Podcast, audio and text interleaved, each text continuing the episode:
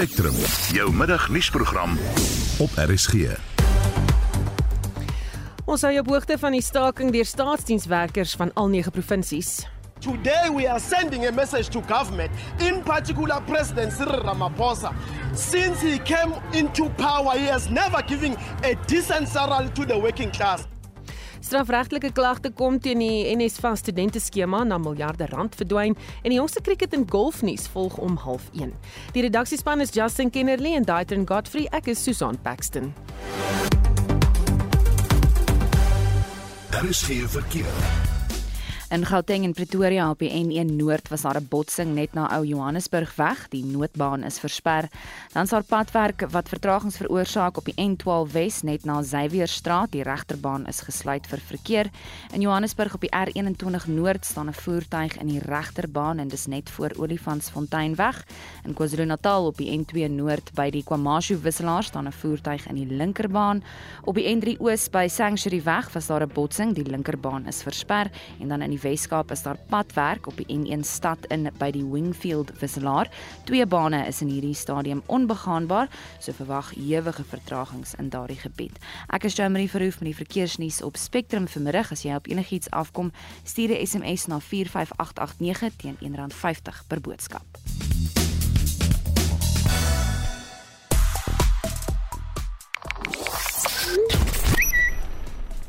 Die hitsmerke PSA Strike en Public Servants begin al hoe meer traksie kry.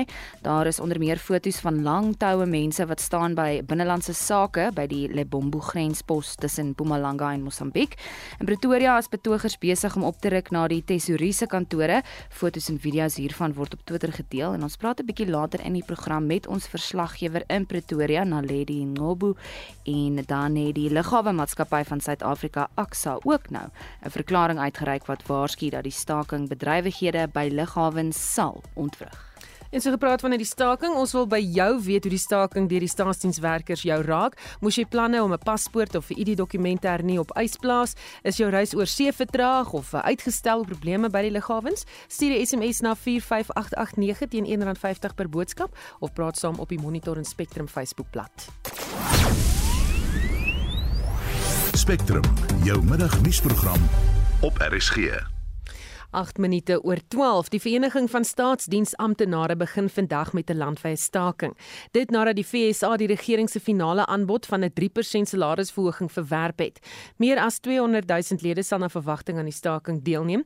Ons verslaggewer in Limpopo, Maglatsi Paladi, is by die Buitbrug grenspos. Ons praat nou met haar. Good afternoon, Maglatsi.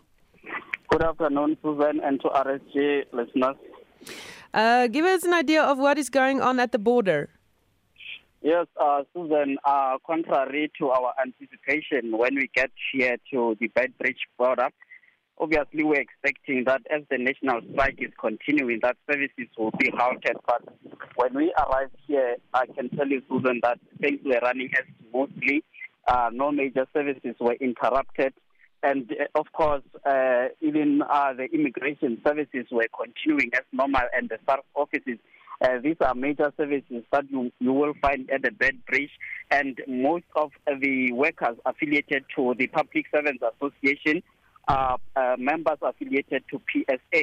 Uh, this is an, uh, a union that is, of course, uh, has embarked on this uh, national strike. This is after they rejected the initial offer that was made by government of 3% and they are saying they want 6.5%. And when we got here at Bedbridge, uh, Susan, we did manage to speak to the border managers who actually told us that the reason why most of these or these major services are not affected is mainly because they had to deploy uh, the, the, the South African police service to come in and assist them uh, in making sure that uh, the immigrants are actually being assisted. And also, uh, they are saying that uh, just three months back, uh, Susan, they uh, deployed border management guards here at the border post. Uh, we saw that on our national television. We did cover that as a SABC.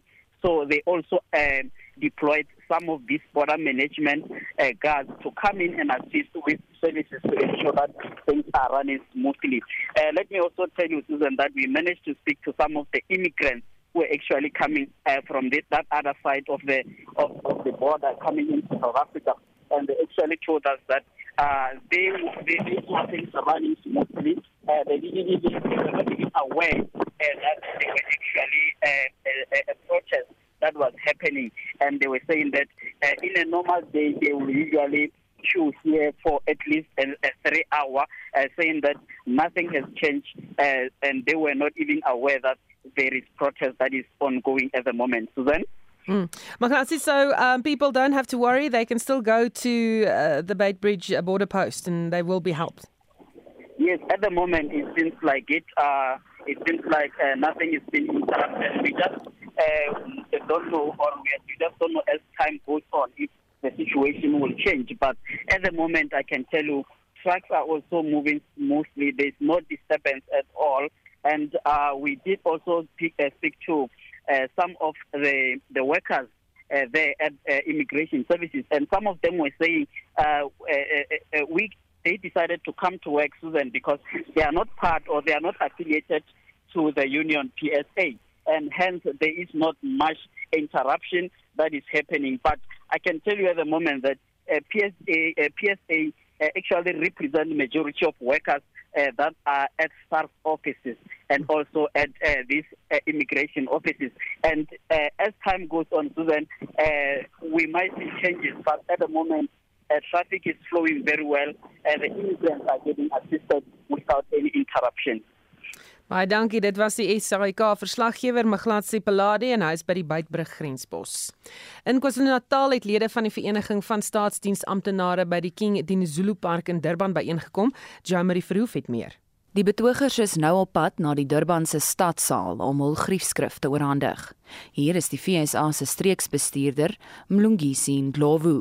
This is the last resort of going to the street because they've given 3%. Further to that, they've imposed the 3%, trying to intimidate the workers. You would recall that the ministers have been given 3%. The ministers have been given free service. They will not pay water and electricity. We are saying they must come to the table. Intussen het nog vakbonde by die staking aangesluit. Wahid Hussein is die hoofsekretaris van Ospersha. Supporting this protest march. Reason being is we are also on a similar type of campaign. We have, you know, we've declared a dispute at the PSCBC with government with regard to wage, uh, the wages in the public sector. Government has unilaterally implemented, which is an attack on collective bargaining. You know, you just can't have an employer, which is the largest employer in the country, just unilaterally implementing salary increases without an agreement with unions. Ons persas se hoofsekretaris Wahid Hussein, Jean Marie Verhoef vir SAK nuus. 13 minute oor 12. Die parlementêre kommissie wat die geskorste openbare beskermer, Bosisiwe Mqobane se geskiktheid vir die amp ondersoek gaan voort met hul werk. Dit al het haar regspan onder leiding van advokaat Dalie Mpofu vroeër aan die saak onttrek. Ons praat nou met 'n strafregkenner aan Universiteit van Pretoria, Dr. Llewellyn Kloos. Goeiemôre Llewellyn. Goeiemôre Susan. Ek vir my dink jy die feit dat Mpofu vroeër onttrek het bloot 'n regstrategie was. Wel, ek weet nie of dit 'n regstrategie was nie, maar dit is 'n strategie.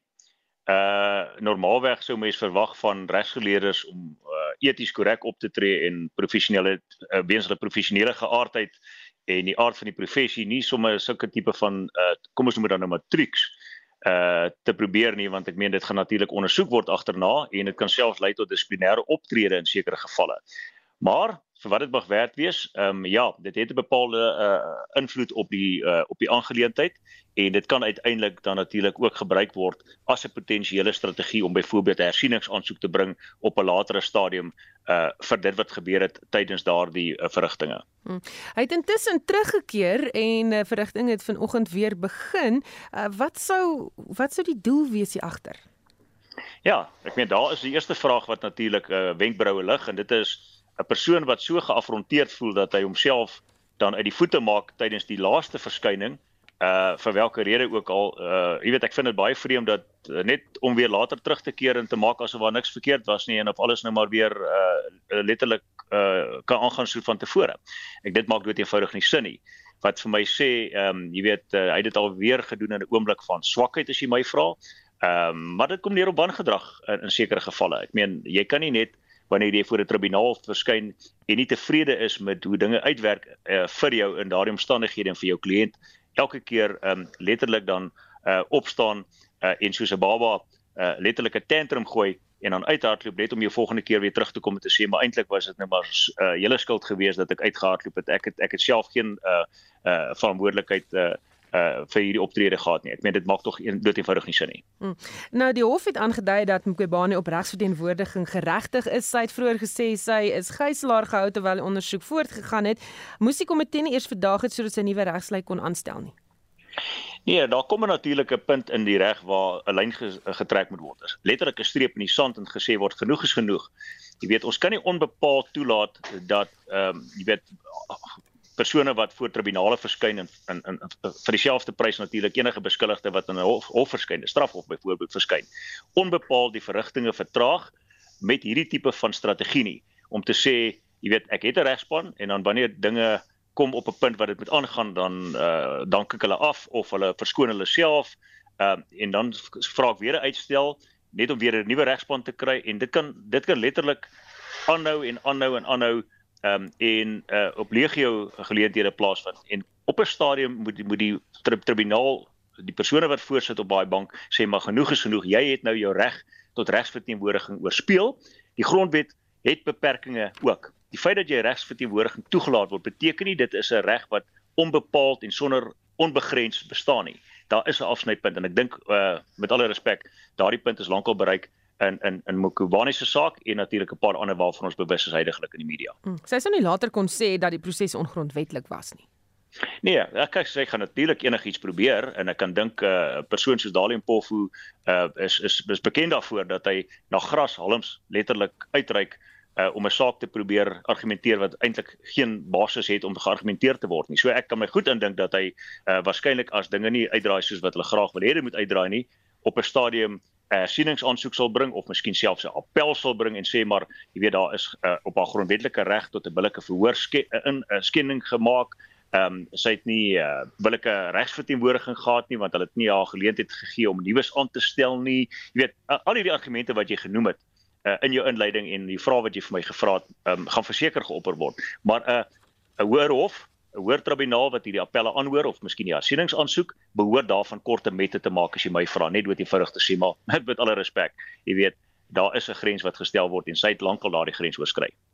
Baie dankie ons gepraat met 'n strafregkenner aan die Universiteit van Pretoria, Dr. Louwelen Kloos. Afriforum se jeugafdeling het strafregtelike klagte teen die Studentehulpfonds NS vasgelê weens die beweerde wanbesteding van nagenoeg 77,5 miljard rand. Vir meer oor die kwessie sluit die woordvoerder vir Afriforum Jeug Renay van 'n vyfer by ons aan. Goeiemiddag Renay. Goeiemiddag. Weet julle hoe die geld aangewend is? Ongelukkig is dit baie moeilik om dit vas te stel. Dit is waarom ons ook die klag gaan indien net sodat die polisie hierdie ondersoek kan loods. Um soos ons weet kan wanbesteding ongelukkig op verskeie maniere plaasvind. Die spesiale ondersoekeenheid het die beweringe van wanbesteding en wanadministrasie by NSFAS vroeër vanjaar al begin ondersoek. Um wat het hulle ondersoek bevind? Ja, so dit was al in Augustus wat hulle bekend gemaak het dat hulle dit gaan ondersoek, maar daar is ongelukkig nog geen bevindinge bekend gemaak nie en dit is waarom ons dan genoodsaak was om hierdie klag te gaan indien. Hmm. Is ek nie die eerste keer dat wanbesteding by NSFAS op die lappe kom nie. Die hulpfonds is ook in 2019-2020 eh, boekjaar uitgewys as een van die grootste bydraers tot onderdeelmatige uitgawes. Wat dink julle moet gebeur om die situasie by NSFAS te beredder? Ja, ek dink die belangrikste wat moet gebeur is dat mense aanspreeklik gehou moet word wanneer hulle skuldig is. So die skuldiges moet die gevolge dra daarvan as hulle um, verantwoordelik is daarvoor dat daar jong mense is wat nou nie fondse kan bekom om te gaan studeer nie as gevolg van al die geld wat verlore is aan wanbesteding. So daar moet definitief aksie geneem word om hierdie wanbesteding te voorkom en natuurlik is dit ons belastinggeld wat ook gebruik word en dan nou so vermors word. So ons moet ook ons stem begin dik maak om te sê die mense moet aanspreeklik gehou word en daai fondse moet reg aangewend word. Daar's ook 'n ander kwessie waarby die minister van hoër onderwys, Dr. Blyden Semandi se departement betrek word en weer eens benadeelde die jeug. Dit hou verband met miljoene rand wat na bewering uit die nasionale vaardigheidsfonds verdwyn het. Daardie geld is bedoel vir die ontwikkeling van die jeug. Daar's glo 'n forensiese ondersoek geloods en 'n verslag is aan die parlement se staande komitee oor openbare rekening oorhandig. Wat weet ons van wat hier gebeur het en word iemand vervolg daar? Ja, so ehm um, die soos jy genoem het, is die spesiale ondersoekeenheid ook reeds van sedert Augustus besig om dit te ondersoek, maar daar is ook nog nie iets wat daarvan gekom het nie. So dit is ongelukkig val hierdie skande selfde sondebok se toedoening um, bly Nisimandi die minister van die departement van hoër onderwys. So dit is tot op hede wat ons weet, maar um, ons sal ondersoek moet instel daaroor ook en uh, seker maak dat hierdie aangespreek word, maar ek dink die klag wat ons gister ingedien het is reeds 'n stap in die regte rigting om stem dik te maak om te sê maar iemand gaan opstaan om te sê mense moet aanspreeklik begin gehou word. Baie dankie, dit was die woordvoerder vir Afriforum Jeugrenay van 'n vyfer. Wetenskaplikes van die Suid-Afrikaanse Raad vir Geowetenskappe besoek KwaZulu-Natal om die presiese ligging, grootte en gevolge van twee aardbewings wat binne 24 uur vir mekaar plaasgevind het te ondersoek. En vir meer oor waarop hulle sal fokus, praat ons nou met 'n geoloog van Clarence in die Vrystaat, Dr. Gideon Groenewald. Goeiemiddag Gideon. Maar ag, so aangaan dit goed met jou? Met my gaan dit goed, maar hierdie is baie baie interessant. Wat presies behels so 'n ondersoek? Jong, uh, ja, kyk, uh, hulle gaan heel moontlik nou uh, eintlik kyk na seismogram diagramme en en praat met die Amerikaanse geologiese opname, die mense daar en terug terugvoer oor was daar voorskokke, wat was die skokke self en dan is daar naskokke en natuurlik dan uh, om uit te vind waar presies op watter verskywings hierdie goed voorkom en hoe diep onder die grond om te kyk gaan hierdie goed dalk nou nog uh, in die volgende uh, sê 3, 4 weke of maande of dan eers weer oor 50 jaar plaasvind. So ek dink dit is waaroor die studie sal gaan. Jy kan eintlik uh die die goed nie voorspel nie. So dit gaan nie baie help om baie opnames meer op site te gaan doen. Meer as wat ek oor bekommerd is is met die dat ons nou in in in die baie nat seisoene ingaan met met La Nina wat terug is, is dat baie reënval met aardskokke maak geweldig groot potensiaal vir groot rotsblokke om nou in nuut geboude passe en nuut geboude paaie in KwaZulu-Natal op die paaie te beland. En ek dink dis die grootste gevaar in daai omgewing is jy kan vanaand huis toe ry sonder 'n klip op die pad en as jy uh, in die donker terugry dan lê daar hierdie rotsblok voor jou. So dis my grootste probleem met wat hier aan die gang is nou. Is dit 'n vreemde verskynsel dat daar sou aardbewings wees? Nee. Nee glad nie. Kyk, die die twee punte wat ek op my kaart het, een is uh daar by Greytown se wêreld. Hy lê baie naby aan die Tugela verskywing.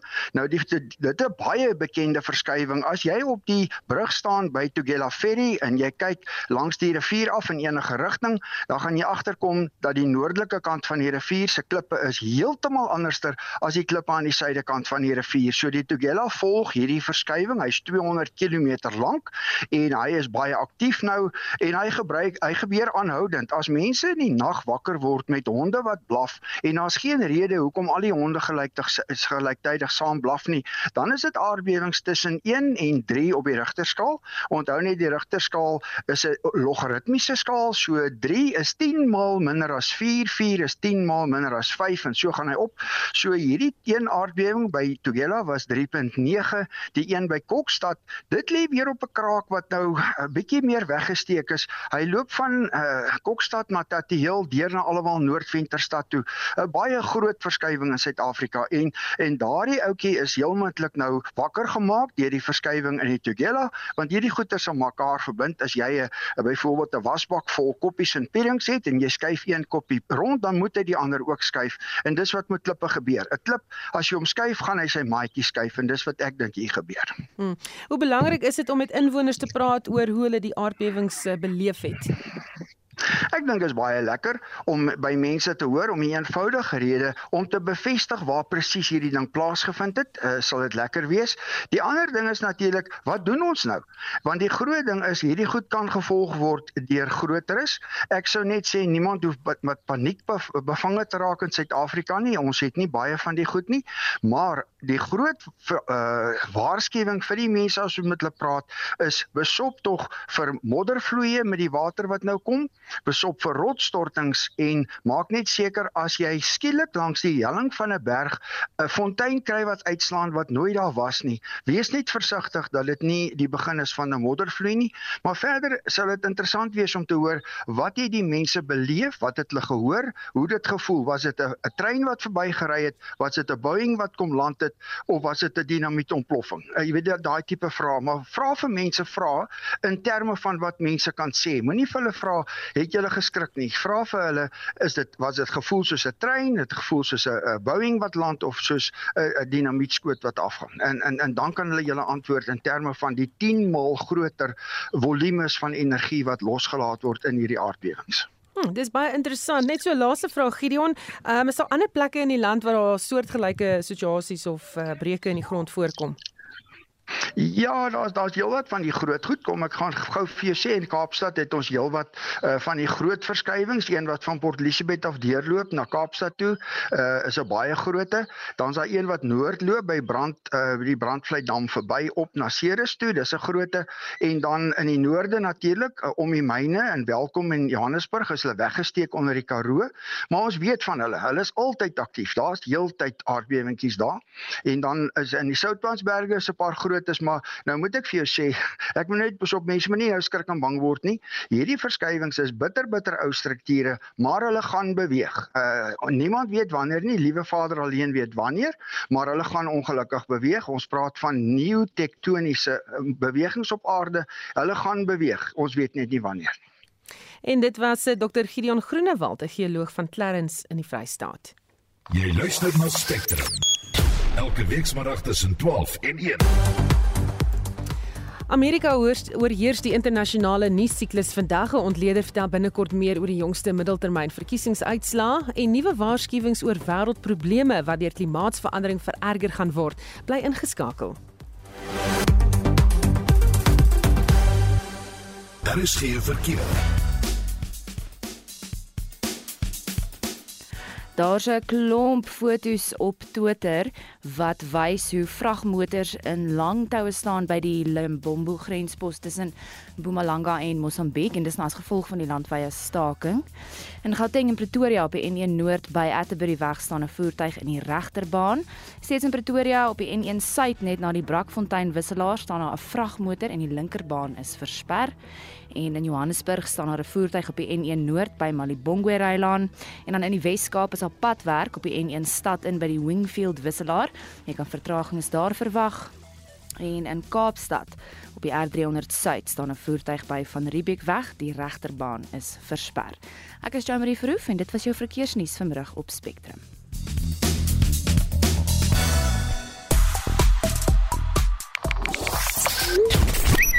Nou ja, die landwyse staking deur staatsdiensamptenare het almal aan die praat. As jy op hoogte wil bly van ontwrigtinge en betogings, gaan kyk onder die hitsmerke PSA Strike en Public Servants. En dan aan die internasionale front kry Brittanje se koning Charles vandag by uh, baie sosiale media aandag. Dit nadat hy tydens 'n onthulling van 'n beeld van sy ma, koningin Elizabeth in York, deur 'n uh, oproerige betoger met eiers bestook is. Beeldmateriaal van die insident doen al sedert vroegoggend hier rond is met 23 jaar 'n man is in verband met die insident in hegtenis geneem. Hmm, dit is nogals interessant geweest. Die eiers het hom net net gemis net, elke keer. Dit so voor sy voete geval. Hy het daai eerste een amper nie gesien nie. Of die ou gooi sleg of hy wou met regtig raak gooi, niks nie seker nie. Nou ons wil graag by jou weet uh, hoe die staking deur staatsdienswerkers jou raak en Patricia Bolmantaljard sê, ek verstaan die frustrasie van die staatsdiensamptenare want die regering gee vir parlementslede byvoordele wat nie sin maak nie, maar daar is vir 2 jaar lank nie geld om verhogings te gee nie. Kos en petrol uh, kos vir almal dieselfde. Baie van die amptenare werk regtig hard en bring hulle kant. Daar's altyd vrot appels in 'n boks. Uh, maak nie saak waar jy werk nie. Miskien is toi toi nie die oplossing nie want dit ontwrig baie landsburgers, maar aan die ander kant dis al taal wat die regering verstaan sê sy. Dan sê Hannes Kordier, dankie tog ek kon darm maandag my dogter se paspoort doen. Al hierdie gemors in ons land kan net vir een organisasie se deur gelê word. En dan sê Flip de Beer, daar's so baie mense se lewens deur hierdie We Demand aksie ontwrig. Ons land gaan uh, down the drain sê hy. Wonder wat gaan hulle regkeer regkry deur hierdie toi toi.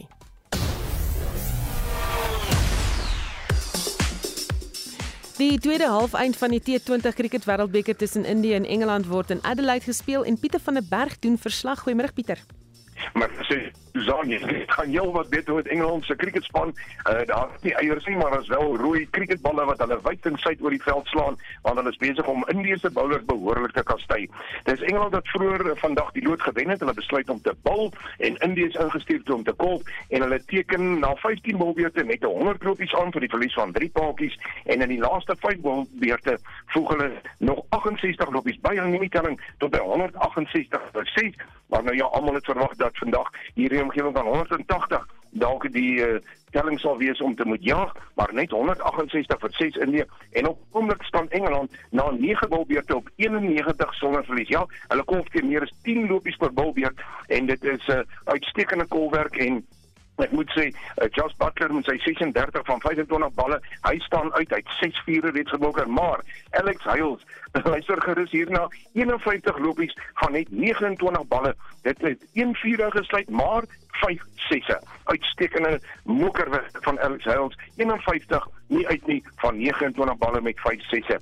Nou wat die bouwerk aan betref, dit gaan baie baie swaar soos ons sê met die Indiese bowlers. Ehm uh, byna almal van hulle is hier in die omgewing van 9 10 11 12 lopies per balbeurt hulle afstaan behalwe uh Pandya hy het in een balbeurt 7 afgestaan. Natuurlik nog geen paaltjie plat nie so daar was ons geen sukses vir die bowlers nie.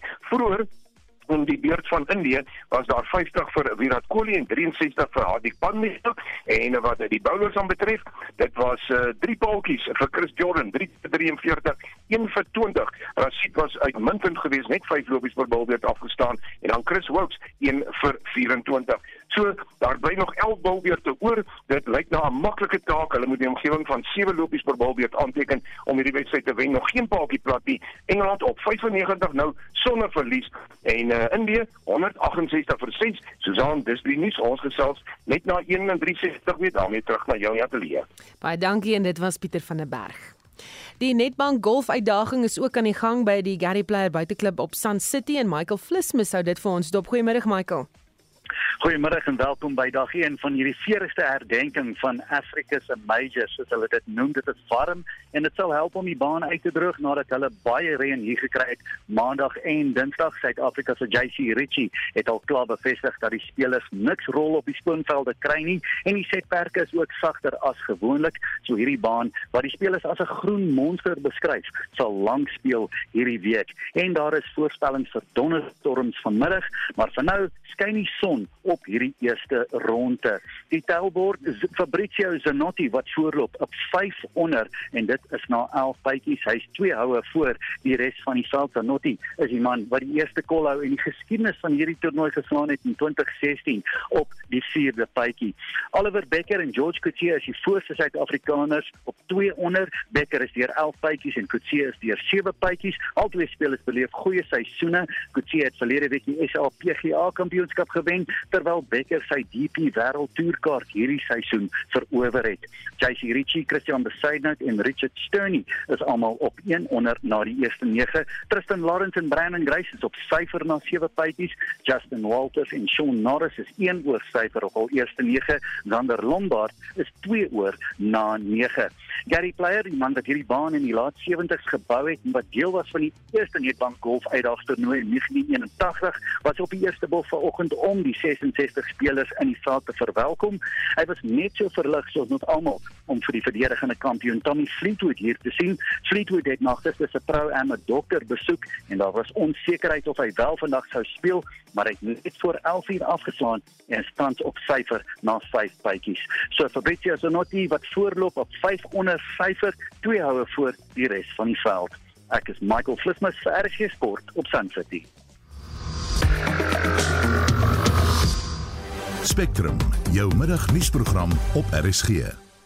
En nou ja, jy luister na Spectrum en ons keer terug na nuus oor die landwyse staking deur staatsamptenare en die SAIK verslaggewer Naledi Nkobo is in Pretoria waar lede van die FSA na die nasionale tesourier se kantore opruk. Ons praat nou met haar. Good afternoon Naledi. Good afternoon Susan. Sounds busy. Give us an idea of what is happening. Well, uh, the strike is in full force. A number of uh, public service servant uh, workers are outside uh, marching from street to street here in Pretoria. They started off in uh, Madiba Street, and of course, that is where the offices of the National Treasury are. Uh, there they stood and they uh, handed over a mem- memorandum of demands. Uh, which was received by one of the Director Generals of the National Treasury. The unions actually wanted uh, Finance Minister Ino Godongwana to receive their demands. And of course, we know that their demands are around a wage increase. They rejected government's 3% wage offer. Uh, they went back to a 10% wage offer. But now are saying that they are willing to take an inflation-linked uh, wage offer. And we know that inflation is expected to stop at around 6.5 uh, for this year. So that is around how much uh, the unions are demanding now.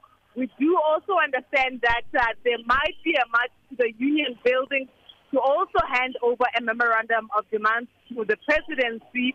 Uh, but of course, we also know that the president will not also be there to receive uh, those demands. Uh, but as we speak right now, I'm outside the Department of Home Affairs in Pretoria, and uh, the march has basically stopped here.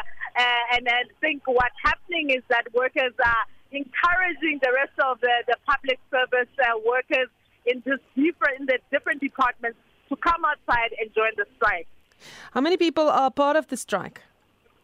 It's thousands and thousands of workers in the streets today. Uh, the turnout has been quite substantial. Uh, we know that it's workers coming from uh, different departments, Home Affairs, the Labor Department. We know that uh, there's labor inspectors who are usually supposed to be going out to look at the labor conditions uh, in retail sectors and the different sectors.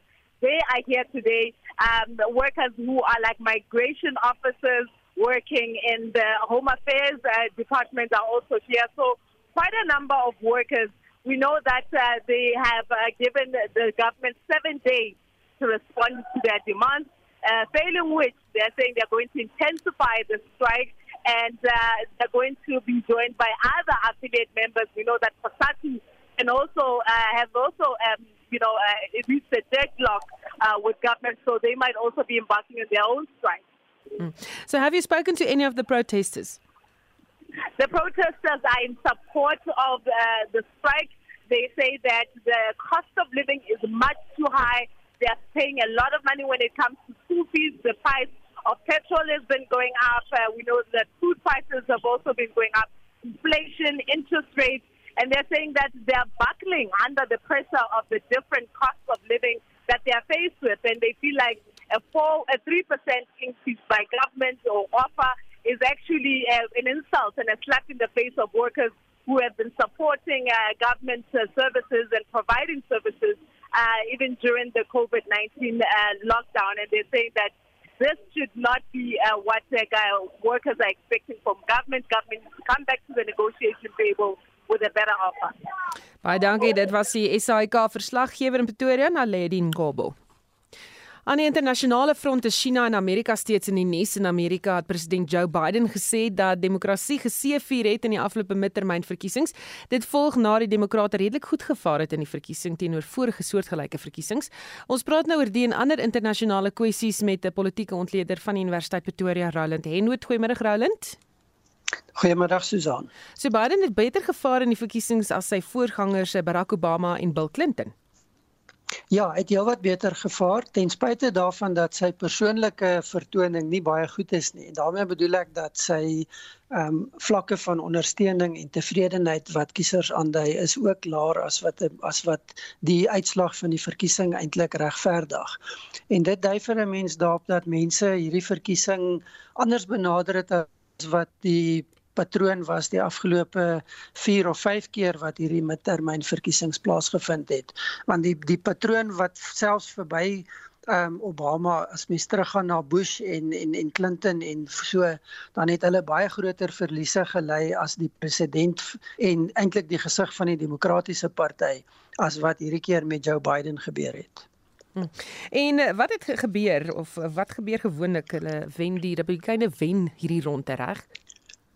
Die die oppositieparty met alweer die party wat nie die presidensiële uh, in die Withuis is nie, is die party wat gewoonlik die die midtermynverkiesing baie beter presteer en in die onlangse tyd elke keer 'n meerderheid kry en dit beteken dat jy sit met 'n president die uitvoerende gesag wat eintlik afhanklik is van die oppositieparty vir ondersteuning vir versekerde van sy beleidsprogramme of onder baie groot druk kom omdat die wetgewer sy beleidsprogramme tot 'n groot mate beperk en selfs probeer veto. En dit lyk asof president Biden alhoewel die meerderheid in die huis van verteenwoordigers republikeins gaan wees, gaan dit nie 'n groot meerderheid wees nie. So dit gaan vir hulle moeilik wees om net te doen wat hulle wil doen en om alles te keer wat hy wil doen. Daar gaan 'n baie groter mate van ek dink buigsaamheid en realisme hopelik wees in samewerking tussen die uitvoerende en wetgewende gesag. So wat is die kans dat Trump weer sal staan vir president? Hy het aanduidings gegee. Die interessante is dat die rede een van die belangrike redes vir die demokratiese prestasie of sy relatiewe prestasie is dat daar definitief ehm, 'n groter opkoms was van mense wat bekommerd was en dat die pro-Trump kandidaate en die mense wat Biden se verkiesing as onwettig en 'n gesteelde verkiesing afmaak, het deur die bank verloor. So dit lyk tog asof kiesers 'n bietjie 'n mate van realisme wys en en 'n meer gematigde benadering tot die politiek verkies en hulle het die meer ekstreme kandidate en omtrent al die Trump gesien gefokusde kandidate het in hierdie verkiesing sover lyk dit my verloor. Goed in China, Guangzhou is daar weer 'n uitbraak van eh, COVID-19 en mense is aangesê om by die huis te bly. Ja, daar's 4 distrikte wat in kwarantyne is en daar's omtrent 5 miljoen mense wat nie hulle huise mag verlaat nie. Skole is aanlyn, um, alle openbare vervoer, die lughawe is effektief gesluit. So baie streng kwarantynemaatreëls wat ons gewoond geraak het in China. En die idee is om te probeer keer dat dit verder versprei en dat 18 miljoen mense dan eintlik in kwarantyne geplaas word. En dit is maar 'n reaksie op die vorige fases waar groot stede gesluit is en dit geweldige negatiewe implikasie gehad het. Dit lyk asof hier die streng beleid en en beperkings geld, maar meer beperk toegepas word om te kyk of hulle kan keer dat die totale gebied en die gepaardgaande ekonomiese eh, negatiewe ekonomiese gevolge nie weer hoef te herhaal nie. Hmm, maar terwyl die res van die wêreld wegbeweeg van eh, die noodtoestande wat die pandemie meegebring het, ehm um, hou Xi Jinping dan nou aan om streng maatreëls toe te pas. Ja, dit het sy kenmerk geword en ek dink daar's dalk twee verklaringe. Die een is dat hy nie sy beeld as 'n sterk leier en effektiewe leier wil verloor nie. Sy benadering was dat hy weet om COVID te hanteer en hy doen beter as enigiemand in die wêreld en hy gaan volhou daarmee. En as hy dit verander, gaan hy eintlik erken dat hy verkeerd is.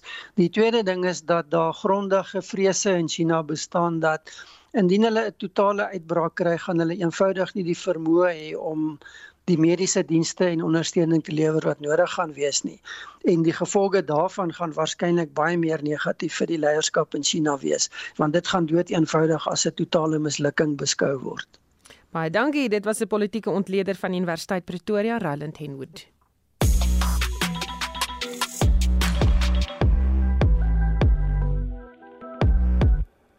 Suid-Afrika kon daan slaag om sowat 10,7 miljard rand se lenings by Duitsland en Frankryk te kry om ons se skuif na 'n groen ekonomie te finansier. Die bedrag is deel van 'n groter bedrag van 153 miljard rand waartoe die internasionale vennote groep hulle self verbind het. Die groep bestaan uit Duitsland, Frankryk, die EU, die VSA en Brittanje, maar die voormalige visierektor vir navorsing, innovasie en nagraadse studies aan Universiteit Stellenbosch, professor Eugene Kloete sê dat daar ander probleme tans in die wêreld is wat deur klimaatsverandering net vererger gaan word en dringend aandag benodig. Dit nou in die lig van COP27 wat plaasvind. Ons praat nou met hom. Goeiemôre Eugene. Uh, goeiemôre. Goeiemôre luisteraars. Wat is eers Ja, wat is eers jou reaksie op die lenings wat Suid-Afrika toe nou kon kry? Nou, ek dink die lenings is, is positief uh in die sin dat uh Afrika uh baie min bydra op die oomblik uh in terme van die uh, aardverwarmingsgasse uh minder as 3% uh dis die bydrae uit Afrika uit. So die voordeel wat ons hier het is dat ons dit laag kan hou uh as ons hierdie lenings reg gebruik om dan onmiddellik te gaan na hernubare energie toe. So Afrika is nie 'n groot speler op die oomblik in terme van aardverwarming sover as wat hierdie groenhuisgasse aanbetref nie. Die groot uh probleme sit natuurlik in die ontwikkelde wêreld. Dit is in Europa, ons kyk na China veral en ook die FSA. Dit is die groot sondebokke op die oomblik. Maar nietemin ek dink dit is goed indien dit natuurlik reg aangewend word dat ons uh, eintlik nie hoef te gaan met die koolstofroete of dan fossiele brandstowwe kragsentrale te bou soos dit die Eskom het nie maar direk kan beweeg na groen energie toe. Hmm. Maar daar is kritiek uit omgewingsgroepe se geleedere wat sê dat die Suid-Afrikaanse regering is deel van die klimaatsprobleem uh, met sy optrede want aan die een kant praat hy oor die groen ekonomie en aan die ander kant laat hy toe dat maatskappye myn vir olie en gas in die oseaan om ons kusgebiede. Ja, dit is eintlik uh, as mens kyk na die energiebehoeftes uh, wat ons het in Suid-Afrika maar ook eintlik wêreldwyd, dan gaan mens moet kyk na verskillende energiebronne. Hernubare energie gaan nie die oplossing wees in die medium termyn nie. Ons sal moet kyk na uh, gas, ons sal moet moet kyk nog na steenkool vir in die opsienbare toekoms. Uh in die langtermyn sal ons moet ook kyk na kernkrag. So ons wil uiteindelik uh moet kyk na hoe gaan ons al hierdie verskillende bronne gebruik om te voldoen aan die ehm um, aan, aan ons energiebehoeftes. Dit is meer kompleks as om net te sê dat ons gaan met hernubare energie en dit dit die al van die lewe is en die oplossing bring uh, in terme van klimaatsverandering. Dink jy die wêreld kan nog klimaatsverandering enigsins stop? Ek dink nie so nie, uh ongelukkig nie. Ek dink wat ons kan doen is ons kan dit vertraag of die tempo waarteen dit plaasvind, dan ons dalk vertraag, maar ek dink ons is verby die kantelpunt. Uh ook as ons kyk na die planne om uh die uh koolstofgas byvoorbeeld te verminder, dan praat hulle van 2030 en 2050. Dis relatiewe langtermyn planne wat in plek is. Mens kan dit ook nie oornag stop om dit te gebruik nie. Uh ons het energie nodig. Uh so ek dink nie dat ons uh dit kan keer nie. Ons kan die spoed waarteen dit plaasvind kan ons keer. Ons sal werklik moet begin fokus op hoe gaan ons aanpas by die gevolge wat gepaard gaan met klimaatsverandering. Inteendeel ons beleef al reeds van daai gevolge nie noodwendig as gevolg, gevolg van klimaatsverandering nie, maar bloot omdat die wêreld op die oomblik oorbevolk is. Ons verbruik tans 125% van wat die aarde vir ons kan bied. Ons is dus 25% oor die draagkapasiteit van die aarde.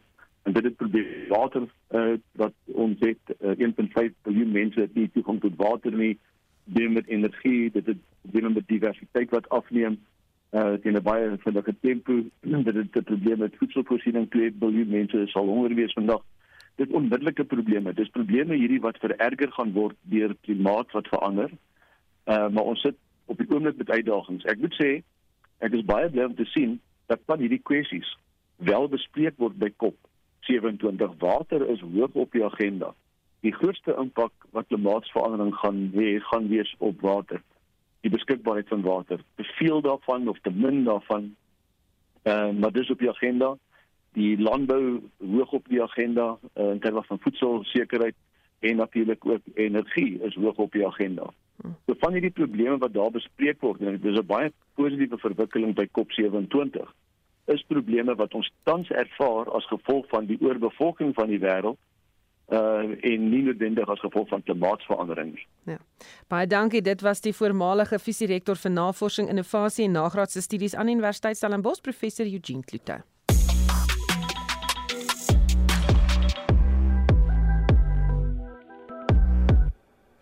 Mynbouproduksiesyfers is pas bekend gemaak en produksie het met 4,5% gedaal jaar op jaar in September en ons praat nou met die ekonom Richard Downing. Goeiemôre Richard.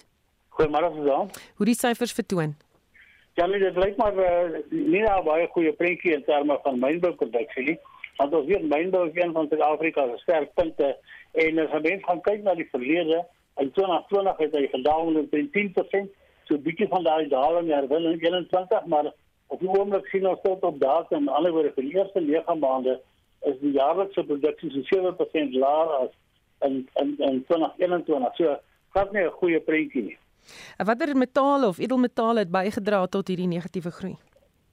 Wel, die grootste bydrae is eintlik was maar uh, tot 'n mate jou uh, ystererts en ek dink daar het baie probleme gehad met die hawens waar ons nie kon uitvoer nie. Ek dink dit is een van jou groot probleme al in September. Uh goud sien ons is ook met 12.4% af in terme van volumes. So dit is ook nie 'n goeie syfer op die oomblik nie. Maar dan is daar dan weer goed, gesien dat koper is redelik goed gedoen op met 36% so dis die diverse soort van uh, aktiwiteite wat eintlik bygedra het tot daai minus 4.5 waarvan jy gepraat het so in die algemeen uh, is dit maar 'n moeilike situasie vir mynbou en dit lyk asof pryse eintlik die groot dryfveer was om eintlik uh, uh, mynbou 'n groot rol te laat speel. En ons sien veral weet ons het met betalingsbalans daar doen ons uh, ons voer hierdie kommoditeite uit teen redelike hoër pryse. So as jy gaan kyk na die waarde van aan die verkoop of die waarde van verkoop van minerale, dan is dit 20% op. Wat jy sê. Die pryse is eintlik die groot bydraer aan mense praat hierdie omgewing van 23% dat pryse bygedra het tot mynbou se toename wat ons sien 'n nominale term, maar dit is nou in die geld in ons het. So dit was ons groot voordeel hè en ons sien ook dat mynbou daai voordeel van pryse het ook uitoorgespoel na die fiskale kant toe. Maar dit gaan voortduur met hierdie tipe produksie wat so afneem. Dit sal ons moet sien en dit is 'n goeie prentjie nie. So as pryse van jou metale begin terugsak, kan dit 'n redelike negatiewe gevolge vir Suid-Afrika hê gegee wel as jy uh, eintlik jou produksie besig is in fisiese terme om af te neem. Baie dankie, dit was die ekonom Richard Downing. Sanparks sê daar sal strenger sekuriteitsmaatreëls geld by die ingange van die nasionale kreer wildtuin tydens die komende feesseisoen. In die afgelope kwartaal is 10 vermeende renosterstropers vasgetrek en 6 wapens is ook gekonfiskeer. Die woordvoerder van die nasionale kreer wildtuin Ike Pagla sê dat daar ook binne die parke verskerpte sekuriteitsmaatreëls toegepas sal word. South African national parks will increase surveillance at the Kruger National Park entry gates as part of the festive season anti-crime prevention program. Access control technology upgrades includes cameras with vehicle number plate recognition, remote monitoring of suspicious vehicles, and nighttime flying to intercept those that do not have late night permits. These measures are going to be in addition to increased stop and search operations conducted by protection services supported by the South African National Defence Force and the South African Police Services. We request tourists to be patient as this is done to minimize poaching and other criminal activities in the Kruger National Park during this festive season. We will also be conducting operations outside the park to disrupt criminal syndicates. Our Environmental Crime Investigative Unit, in conjunction with law enforcement agencies, will follow up on intelligence to ensure the safety of communities and minimize the recruitment of poachers and the supply of hunting rifles and ammunition. Our rangers are also ready to keep our fauna and flora safe during this period, as they have done throughout the year. En dit was die woordvoerder van die Wildtuin Ike Pasla. En Annelien Moses het vir ons die laaste uur se nuusgebeure dopgehou. Die Vereniging vir Staatsamptenare vandag met hulle 'n lang verwagte staking begin om protes aan te teken teen die regering se verhogingsaanbod van 3%. Ja, ons verslaggewer Maglatsi Paladi het die Beitbrug grenspos in Limpopo besoek en gevind dat dag 1 van die staking hier seepglad verloop het. Contrary to our anticipation when we get here to the Bed Bridge border. Obviously, we're expecting that as the national strike is continuing, that services will be halted. But when we arrived here, I can tell you things were running as smoothly. No major services were interrupted. And uh, of course, even uh, the immigration services were continuing as normal. Ons het 'n strafregkenner Dr. Llewellyn Kerloos gevra oor hoe grondwetlik die komitee optree wat die geskorste openbare beskermer Bosisiwe Mqobani se bevoegdheid ondersoek. Kerloos sê Mqobani en haar regspan kan nie toegelaat word om die saak onbepaald te vertraag nie. Op 'n stadium moet die tribunaal die persone wat voorsit op daai bank sê maar genoeg is genoeg. Jy het nou jou reg tot regsverteenwoordiging oorspeel. Die grondwet het beperkings ook. Die feit dat jy regsverteenwoordiging toegelaat word, beteken nie dit is 'n reg wat onbepaald en sonder onbegrens bestaan nie. Daar is 'n afsnypunt en ek dink met alle respek, daardie punt is lankal bereik in Mokubani se saak en natuurlik 'n paar ander waarvan ons bewus is heidaglik in die media. 'n Satellietbrandweerstasie in Kimberley in die Noord-Kaap is 'n wit olifant. Inwoners meen dat die mislukte projek van multimiljoen rand lewensverliese tot gevolg het. Die Solplaatjie munisipaliteit blameer onder meer die COVID-19 pandemie. Die woordvoerder Toko Riet. The turnout depends on the time of the day, the location. A lot of times where we have informal settlements there's no roads. That also delays the process of getting there on time. the speed bumps and the potholes.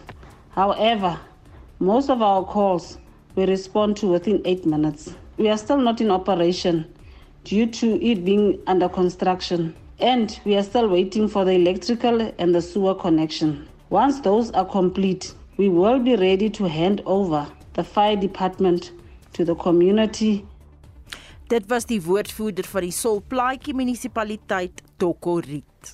En dit was Annelien Moses met vandag se ontwikkelende nuusgebeure. Onthou vanmiddag se brandpunt en dan môreoggend natuurlik monitor interessante nuus daar van uit die Oekraïne of van Oekraïne af oor Russiese troepe wat lyk like dit vir my moet terugval. Onthou vorige uitsendings van Spectrum is beskikbaar op Potgooi gaan net na RSC se webblad by www.rsg.co.za. Ons het namens ons uitvoerende regisseur Nicoline de Weer, die redakteur Justin Kennerly en produksieregisseur Daitrin Godfrey. Ek is Susan Paxton. Geniet jou middag.